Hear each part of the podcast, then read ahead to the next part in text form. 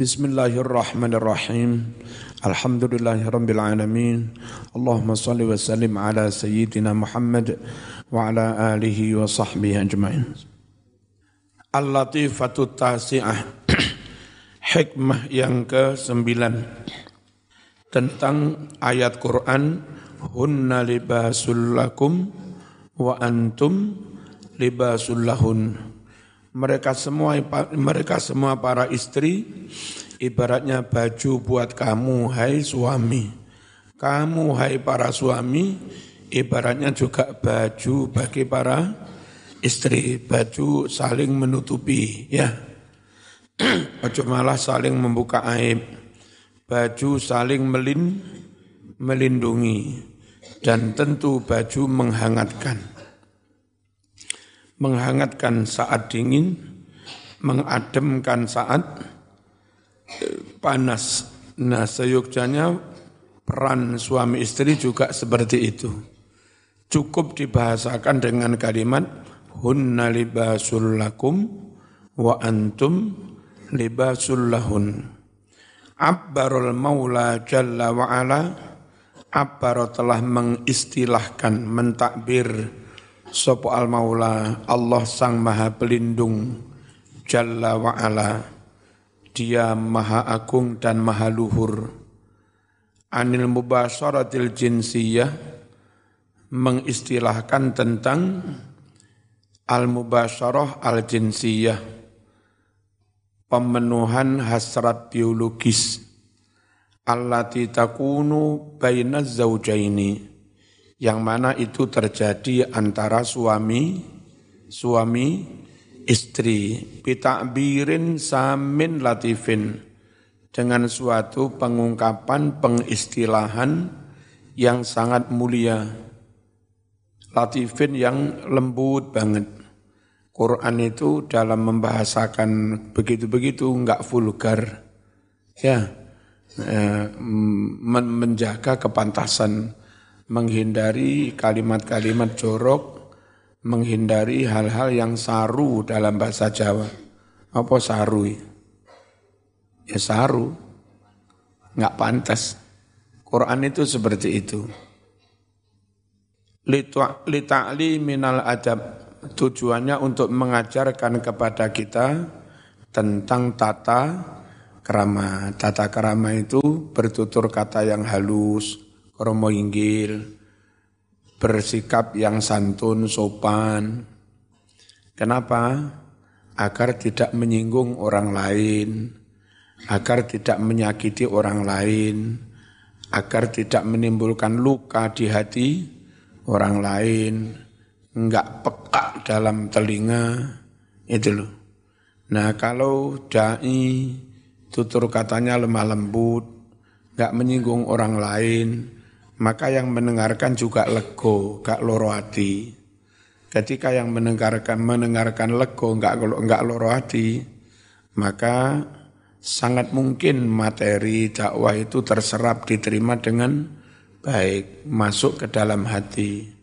Beda banget dengan balik yang kasar, ngamuan, misuan, ngilok nih. Ya mungkin secara materi benar, tapi kalau cara memasukkan materi ke telinga dan hati para mustamek dengan bahasa yang kasar, si mustamek malah tersinggung, si mustamek malah sakit hati.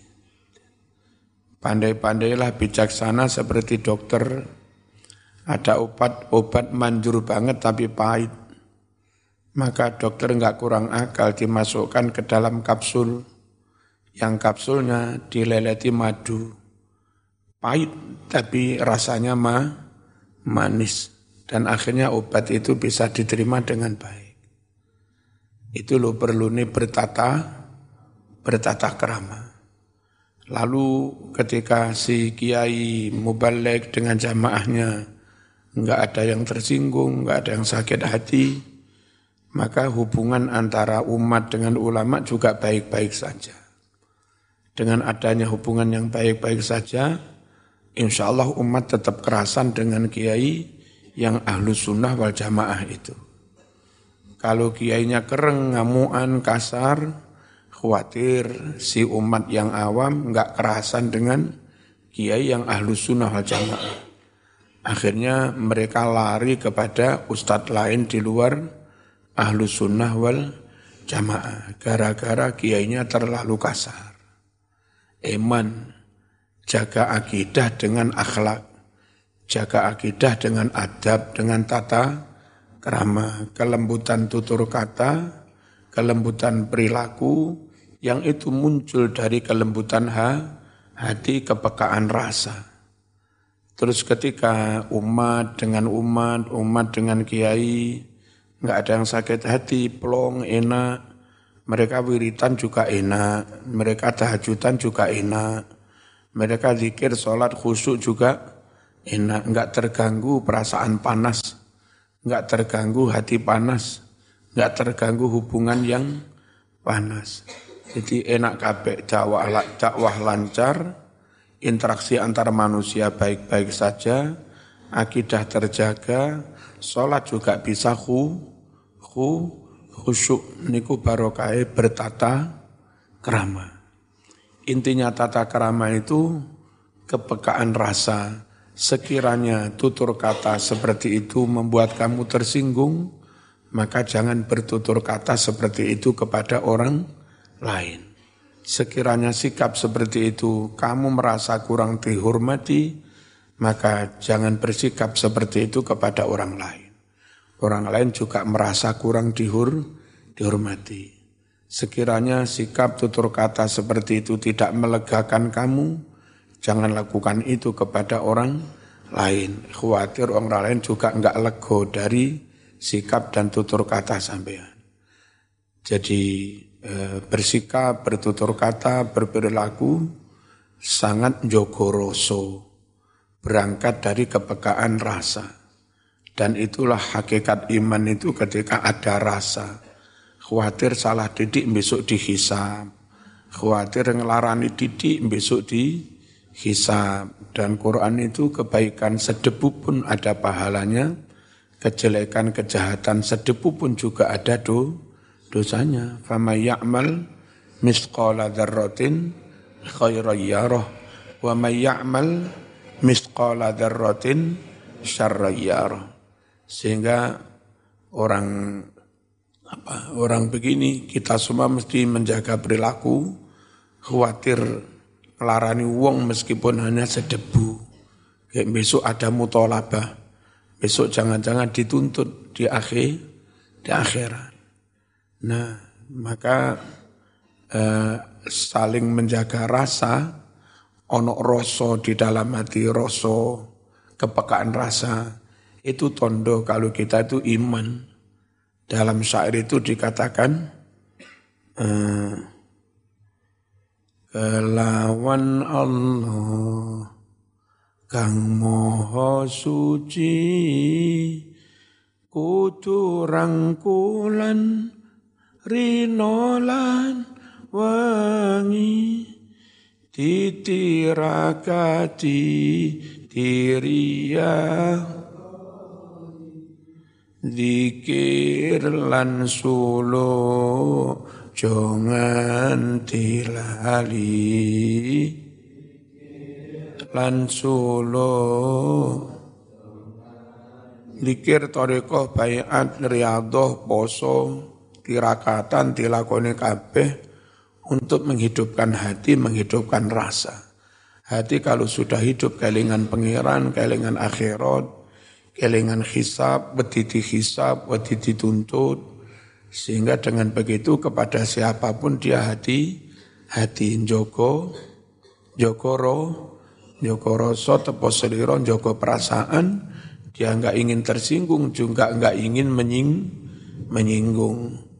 Kelawan konco dulur lan tangga kang padha rukun aja sia iku sunnahe rasul kang.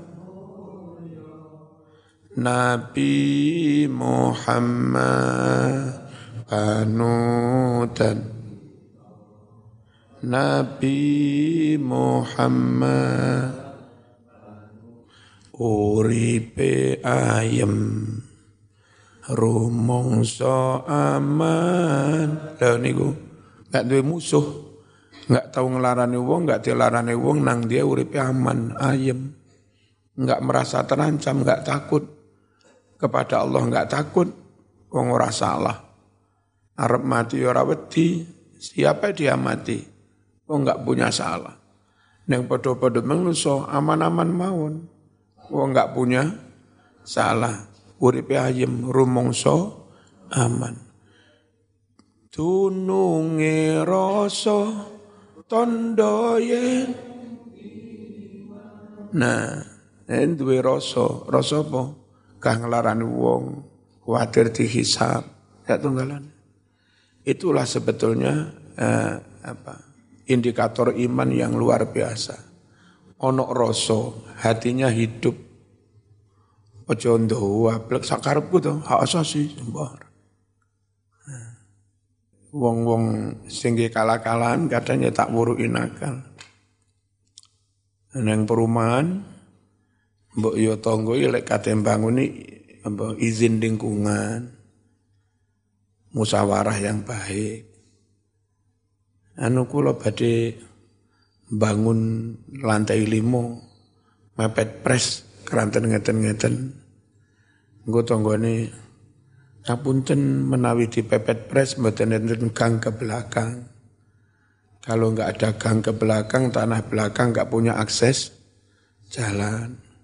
Ya nopo jenengan maringi sak meter kula kula maringi sak meter. Ono gang rong meter sepeda iso mlebu. Mestinya kan musyawarah ngono cek padha enake. Besok-besok cek anakmu cek anakku cek putumu cek putuku kate gawe omah ning buri si ono dalan. Nek zaman mepet tak pepet terus piye? Ya. Kadang-kadang gak usah gak perlu. Asasi. Wah cetai dibangun mepet Wes nggak peduli dengan suara tetangga, nggak peduli dengan usulan-usulan tetangga. Mari dibangun lima lantai, mepet-pet. Nah, terus pundi kiai. Ini zaman duduk nggak kolam lele tanahmu. Tanahmu kan mepet kuna. Mepet duduk kolam lele limang meter jerune. Ngolak bengok-bengok kono jugruk ya. Iki kok diduduk lapo hak asasi tanah-tanahku Lah kono ya ora kena dijak musyawarah jarene tanah-tanahku dhewe. Nek saiki sampean yo ngono ae, hak asasi tanah-tanahku dhewe kate lapo sampean. Ngono iki lho, oleh-oleh elek. Podo-podo enggak ngomong rasa. Ya. Jadi koyok-koyok hati itu enggak peka, enggak hidup pertanda kalau dia rapate iman. Wong munafik indablek ngono kuwi. Dununge rasa tondo yen iman, sabar narimo najan pas-pasan. Ada potensi hidupnya hati jenenge rasa peka. Lek ana rasa diasah terus, jak wirid, jak zikir, jak poso, sering keluwen, sering melek, suwe-suwe iso kroso. Roso, kroso. Terus lama-lama iso rumong, rumongso. Aku kawulo, aku menungso, aku saiki urip, besok mati, besok dihisap. Terus aku saiki dadi wong tua, lek aku koyo ngene besok anak putuku piye. Nek aku dolim nang wong besok anak putuku di dolimi wong, lek aku dadi atasan saenake ning bawahan. Besok aku tuwek pensiun ganti putuku sing dadi bawahan. Orang yang dulu bawahan saya ganti menjadi atasan. Terus ya apa lek didolimi. Duh, rumongso. Kroso, terus rumongso. Roso, kroso, terus rumongso sopo lama-lama bersikap itu senantiasa terukur proporsional ojo nglarani wong sampe yo gak gelem dilarani Apa nuwe? Iku jenenge ngrumangsani. Rasa, krasa, rumangsa terus ngrumang ngrumangsani. Nah, ngrumangsani. Ya ngrumangsani kok sing kula terangne wau. Napa niku man arafa nafsahu faqad arafa rabbahu. Es. Kenapa perlu adab? Kenapa perlu akh? Akh, akhlak. Antara lain niku sedoyo. Dan rata-rata kalau ulama itu semakin tinggi derajatnya, semakin alim, semakin sufi, itu rata-rata mereka juga eh, para sastrawan unggul. Sastrawan itu orang yang dalam bertutur kata sangat lem, lembut, enggak vulgar, nggak sarkasme, nggak pakai sikap yang sadisme, lembut gitu. Itu tadi berangkat dari hati yang sangat lembut, peka, perasa, nah, dia tahu radarnya itu main bahwa diksi memilih kata seperti ini bisa menyinggung orang lain. Maka dia pun juga menghindari diksi pemilihan kata seperti itu. Sehingga bahasanya enak. Mbah Bisri Mustafa nulis mitro sejati ngoten. Diwaca enak. Nah, gitu loh. Rata-rata mereka sastrawan. Ulama yang bukan hanya fikih tapi tasawuf, tasawuf zikir tirakat olah rasanya luar biasa. Itu biasanya terus mereka juga menjadi sastrawan punya amal sastrawan itu sehari-hari dalam bertutur kata secara lesan, dalam bersikap secara fisik, secara perbuatan, benar-benar jogo rosso orang orang lain. Nyun sewu, nyun sewu, eh, tuku jajan sing enak-enak, sekirane malih tonggone malih kepingin, dia nggak mau kecuali roto akeh pisan, tonggone di diparingi Joko Roso.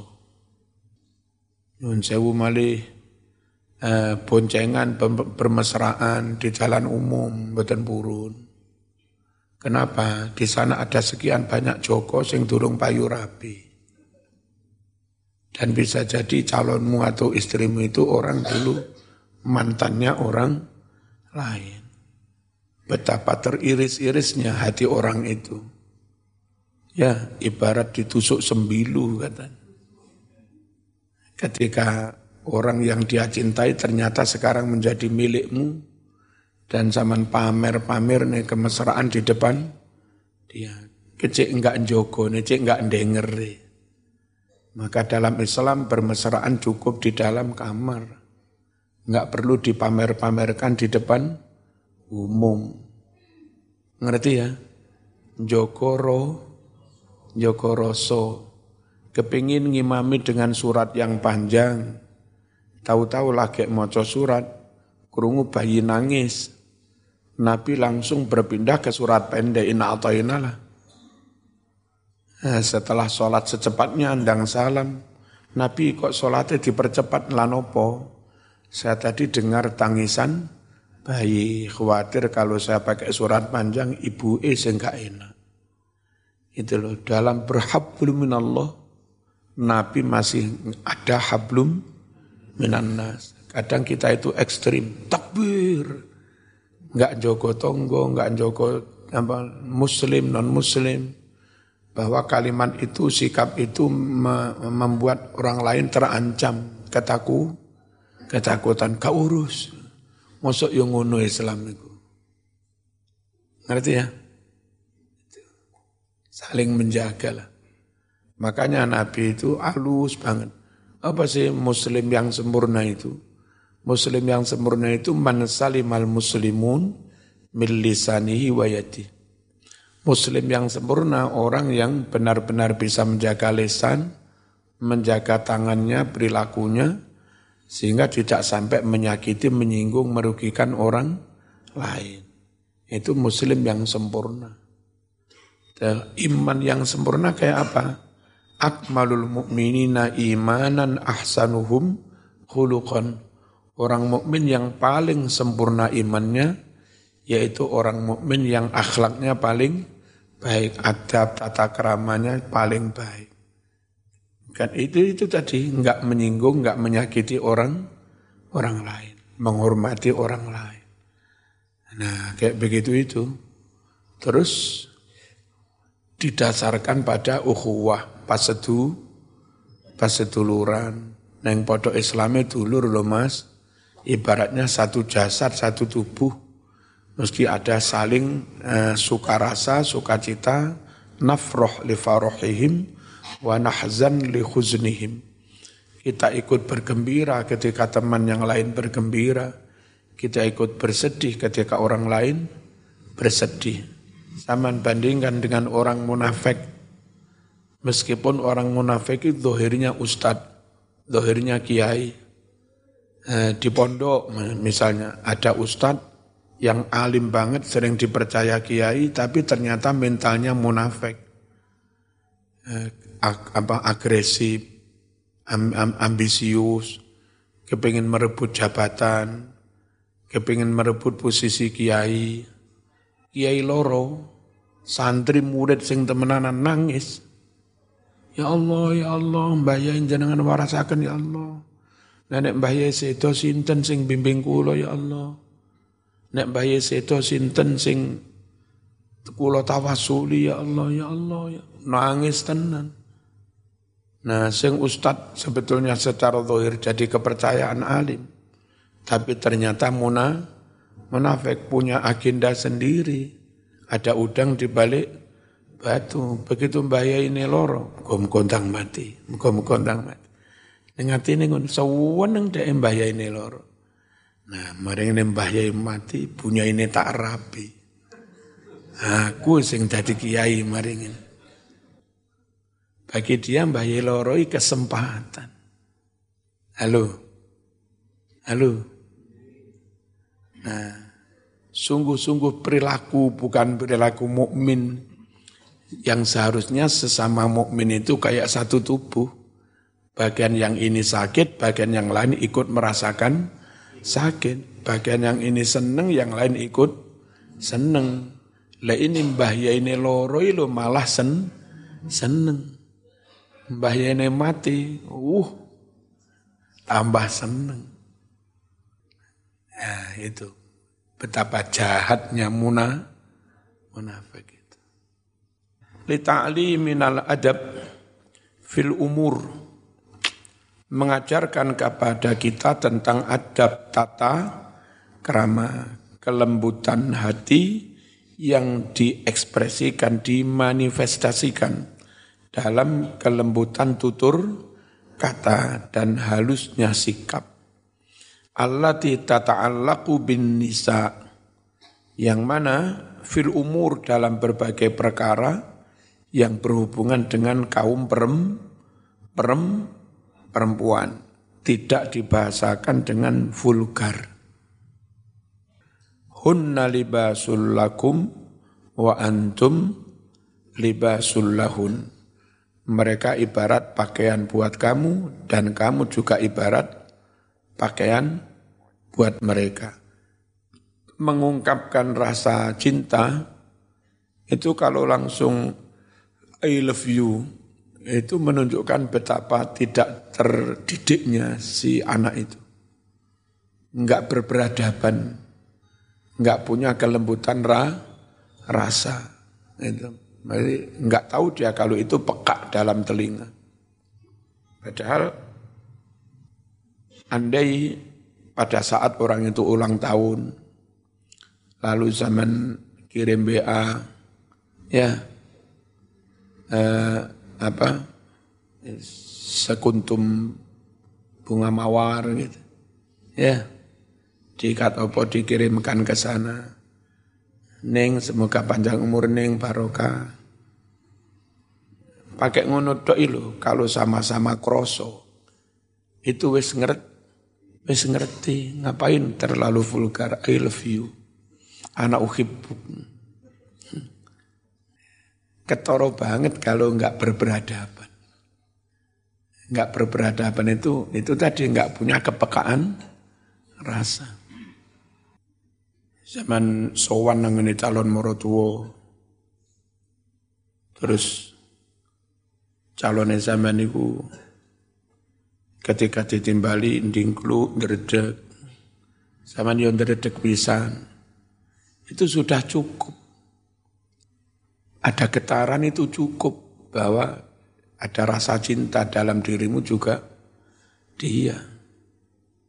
Enggak perlu terus. Sama ini saja ini seneng aku pura. Piye sama ini jawaban saya seneng pora. Ya mesti ran jawab mas. Cek gak dengeri sama niku.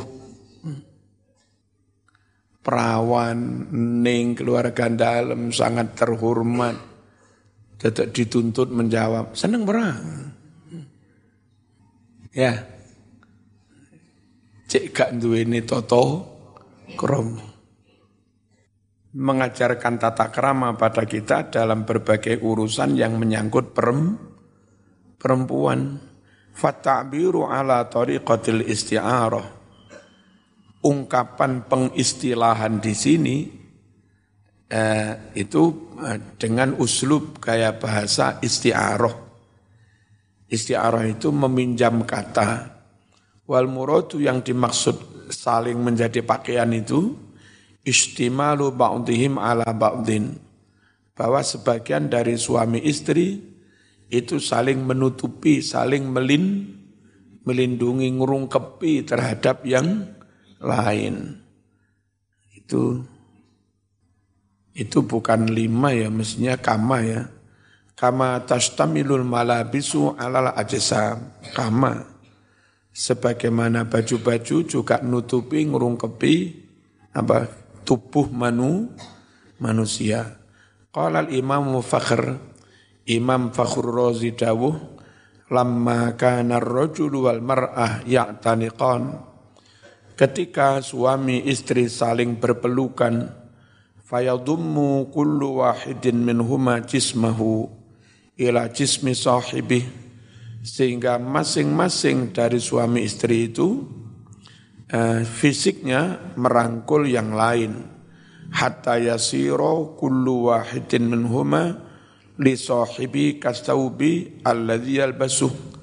Sehingga masing-masing dari suami dan istri itu terhadap yang lain menjadi seperti baju yang dikenakannya baju yang dia pakai karena itulah summiya maka dinamakan kullu wahidin masing-masing orang minhuma dari suami dan istri dinamakan apa? Libasan, pakai pakaian. Al-Latifatul Asyirah, hikmah yang ke-10 tentang firman Allah boleh makan minum dalam bulan Ramadan sampai terbit fa sampai terbit fa fajar.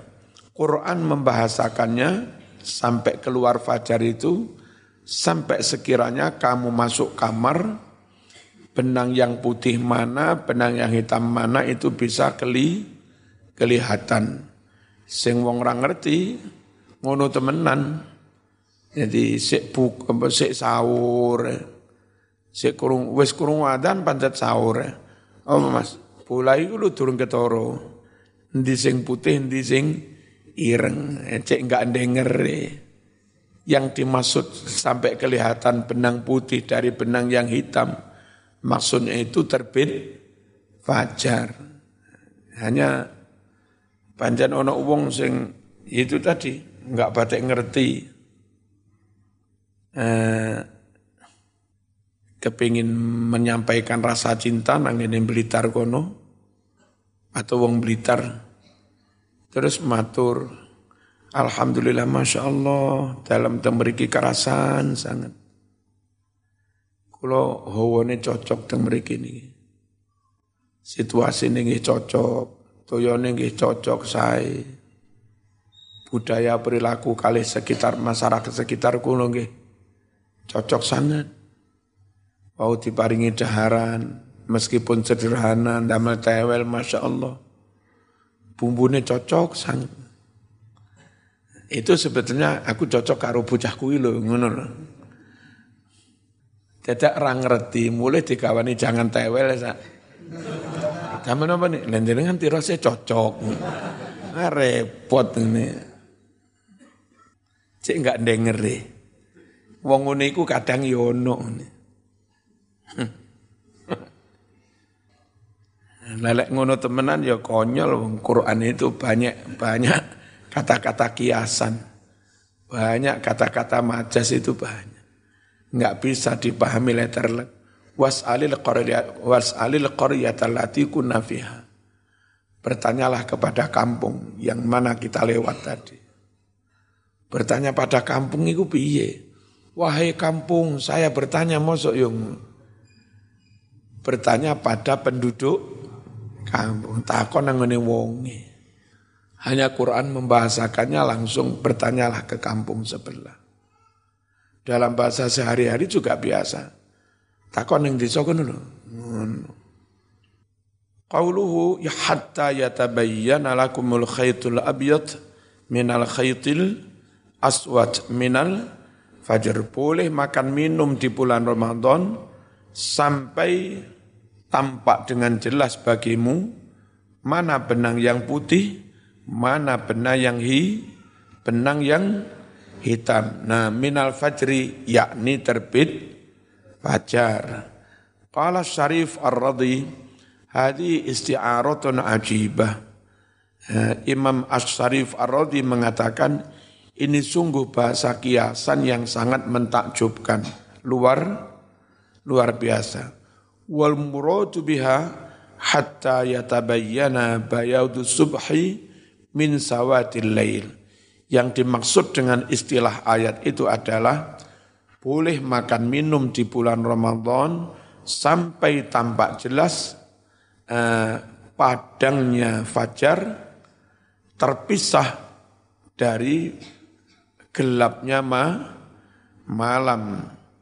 Wal khaitani huna majazun. Nah, dua-duanya diistilahkan benang putih, benang hi, Hitam itu sekedar majas, kia, kiasan ora temenanan. Wa inna ma syabbaha wa inna ma syabbaha bidzalika lianna bayadha subhi yakunu fi awwali tulu'ihi musyriqan khafiyan.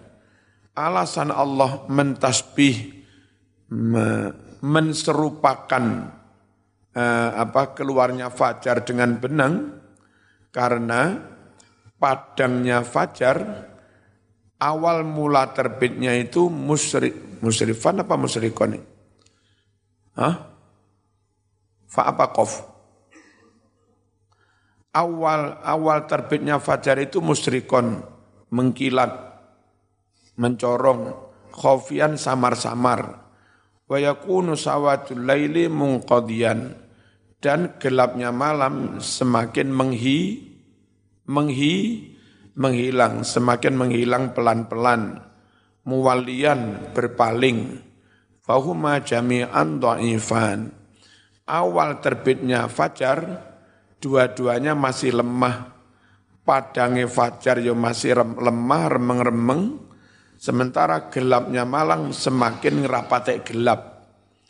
Nah, titik temu sing bengi wis rapatek peteng nemen awane ya durung pa padang itu dibahasakan dengan tampak jelas mana benang yang putih, mana benang yang hitam.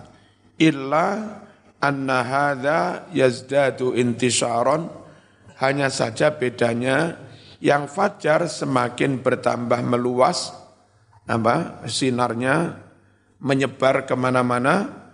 Wahada sedangkan gelapnya malam yazdadu istiroron. Gelapnya lama-lama semakin tersembunyi, semakin tertutup, semakin menghi, menghilang. Ruwiya annahu lamma nazalatil ayatu diriwayatkan ketika ayat ini turun, qala mengucap si Adi bin Hatim Nah, imbian yo ana wong Arab rada pekok ngene. Ya. Saiki barang ya sik ana sing rada Jadi memahami ayat apa apa adanya. Biar begitu turun ayat ini, ono orang namanya Adi bin Hatim akhadtu iqalain. Saya mengambil dua ikat abiyat wa aswad. Dua ikat itu satu putih, satu hitam. Faja'altuhuma tahta wisadati. Aku taruh dua ikat putih dan hitam itu di bawah bantal saya. Wa kuntu aku meminal lail dan aku bangun malam tak celok durung ketoroi rong kena nih ireng karo putih wo berarti sik mangan sik oleh mangan sik sahur ae fa'ngduru ilaihi ilaihi maksudnya akeh tulisan salah. Fa'ngduru ilaihi lalu aku melihat dua ikat putih dengan hitam itu. Falam yatabayyanan falam yatabayyan li al abyad minal aswad. Nah, belum bisa dibedakan mana yang putih, mana yang hitam. Falamma asbahtu ghadaitu ila Rasulillah. Ketika masuk di waktu pagi, aku sowan menghadap Rasulullah sallallahu alaihi wasallam. Fa akhbartuhu lalu aku kabarkan kepada Nabi. Wa dalu kula ngeten Nabi. Eh, kula nggawa ya petali ireng karo putih kula damel tilem teng kamar ku salap nisor bantal oh turung ketoro berarti seoleh mangan Nabi langsung guyu kok cek pekoe mana Padahal Nabi langsung ketah, ketawa, tertawa. Faqala innaka ala aridul qafa. Sungguh kamu itu benar-benar gede citoe. Artinya apa gampang. Suwe pahami apa lek saiki. Suwe lodi lodingi, munyer gak loding-loding kene. Telmina. Kau niku cek telmine. Inna madzalika bayadun nahar sungguh yang dimaksud dengan benang putih itu terangnya siang hari wasawatul lail gelapnya malam is al-ahkam asyariyah. Niki para rawuh, para jamaah, Islam yang sebenarnya mesti uh, menyapa akal sehingga dalilnya harus sahih, logikanya mateng, analisanya akurat, valid, ilmi, ilmiah, nggak bisa tidak. Dan kita butuh itu karena butuh meyakinkan diri juga meyakinkan orang lain. Tapi enggak hanya menyapa akal Quran itu, enggak hanya menyapa akal hadis itu, juga menyapa ra, rasa.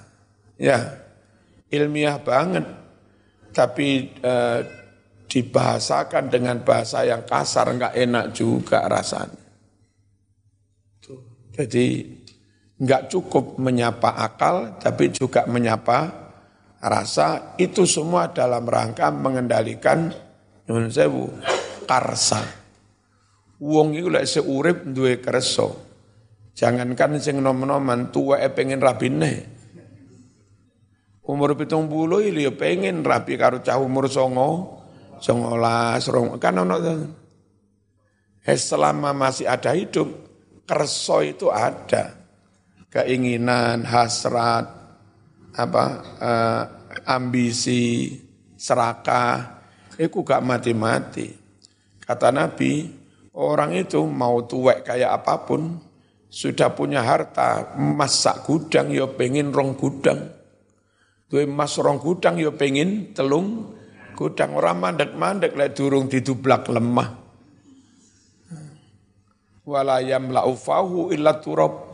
Kak mandek-mandek, lah durung cangkeme didublak lemah alias mate.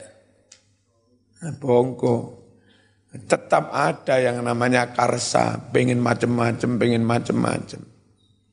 Oh, kadang umur pitung bulu lima saya pengen nyalon DPR. Ya. Wis kate mampu lemah itu. Itulah menung menungso, nggak bisa dipungkiri. Nah, perlunya hati nurani yang diasah terus dengan dikir, dengan ilmu, Terus ini diasah dengan saya dikuatkan dengan dalil Quran maupun sun, sunnah dalam rangka supaya bisa mengendalikan momong kar karsa. Jatuhnya ngono yo ya ngono, ning yo ya ojo ngono. Dibunuh sama sekali keinginan manusia, maka nggak akan ada kemajuan, nggak ada progres. Tapi dibiarkan liar, jadi progresivisme, akhirnya juga kehilangan nilai, kehilangan akidah, kehilangan keimanan, kehilangan jati diri sebagai manusia. Malah kayak wedus, kayak bedes, kayak macan, kayak kire. Saling mener, menerkam. Sangat suci, nggak punya kerso, nggak punya keinginan, nggak mungkin. Atau membiarkan liar kersone, terus serakah ke mana-mana, itu juga bukan manusia. Manusia bukan homo homini lupus. Manusia juga bukan hanya sekedar homo sakraras homini. Apa itu mas? Manusia itu gabungan dari semu, semua. Pun, nah ini NU Ahlus Sunnah Jamaah tetap saja menjaga keseim, keseimbangan. Islam bagi NU ya Islamnya Rasulullah komprehensif, lengkap, tiga aspek, tiga dimensi dijaga secara seim, seimbang. Dalam dalam ngomong rasa tetap pakai logika, dalam menuruti uh, logika supaya valid, akurat, ilmiah, tetap pakai apa? Roh, rasa. Dan tentu sebagai manusia tetap punya keinginan tapi keinginan yang luhur, mas kepengen punya anak, pengen. Kenapa? Kelak kalau saya mati biar ketakmiran ada yang melanjut. Kelak kalau saya mati pondok ini ada yang melanjut. Kelak kalau saya mati ono sing nurus ngurusi NU. Kelak le aku besok mati ono sing ngasuh pesan pesantren. Saya boleh mati dakwah gak boleh mandek. Maka saya perlu ikhtiar nikah punya anak untuk itu.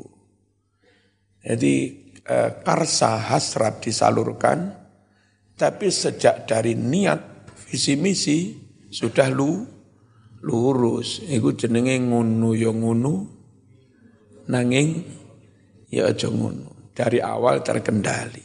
Al-Fatihah.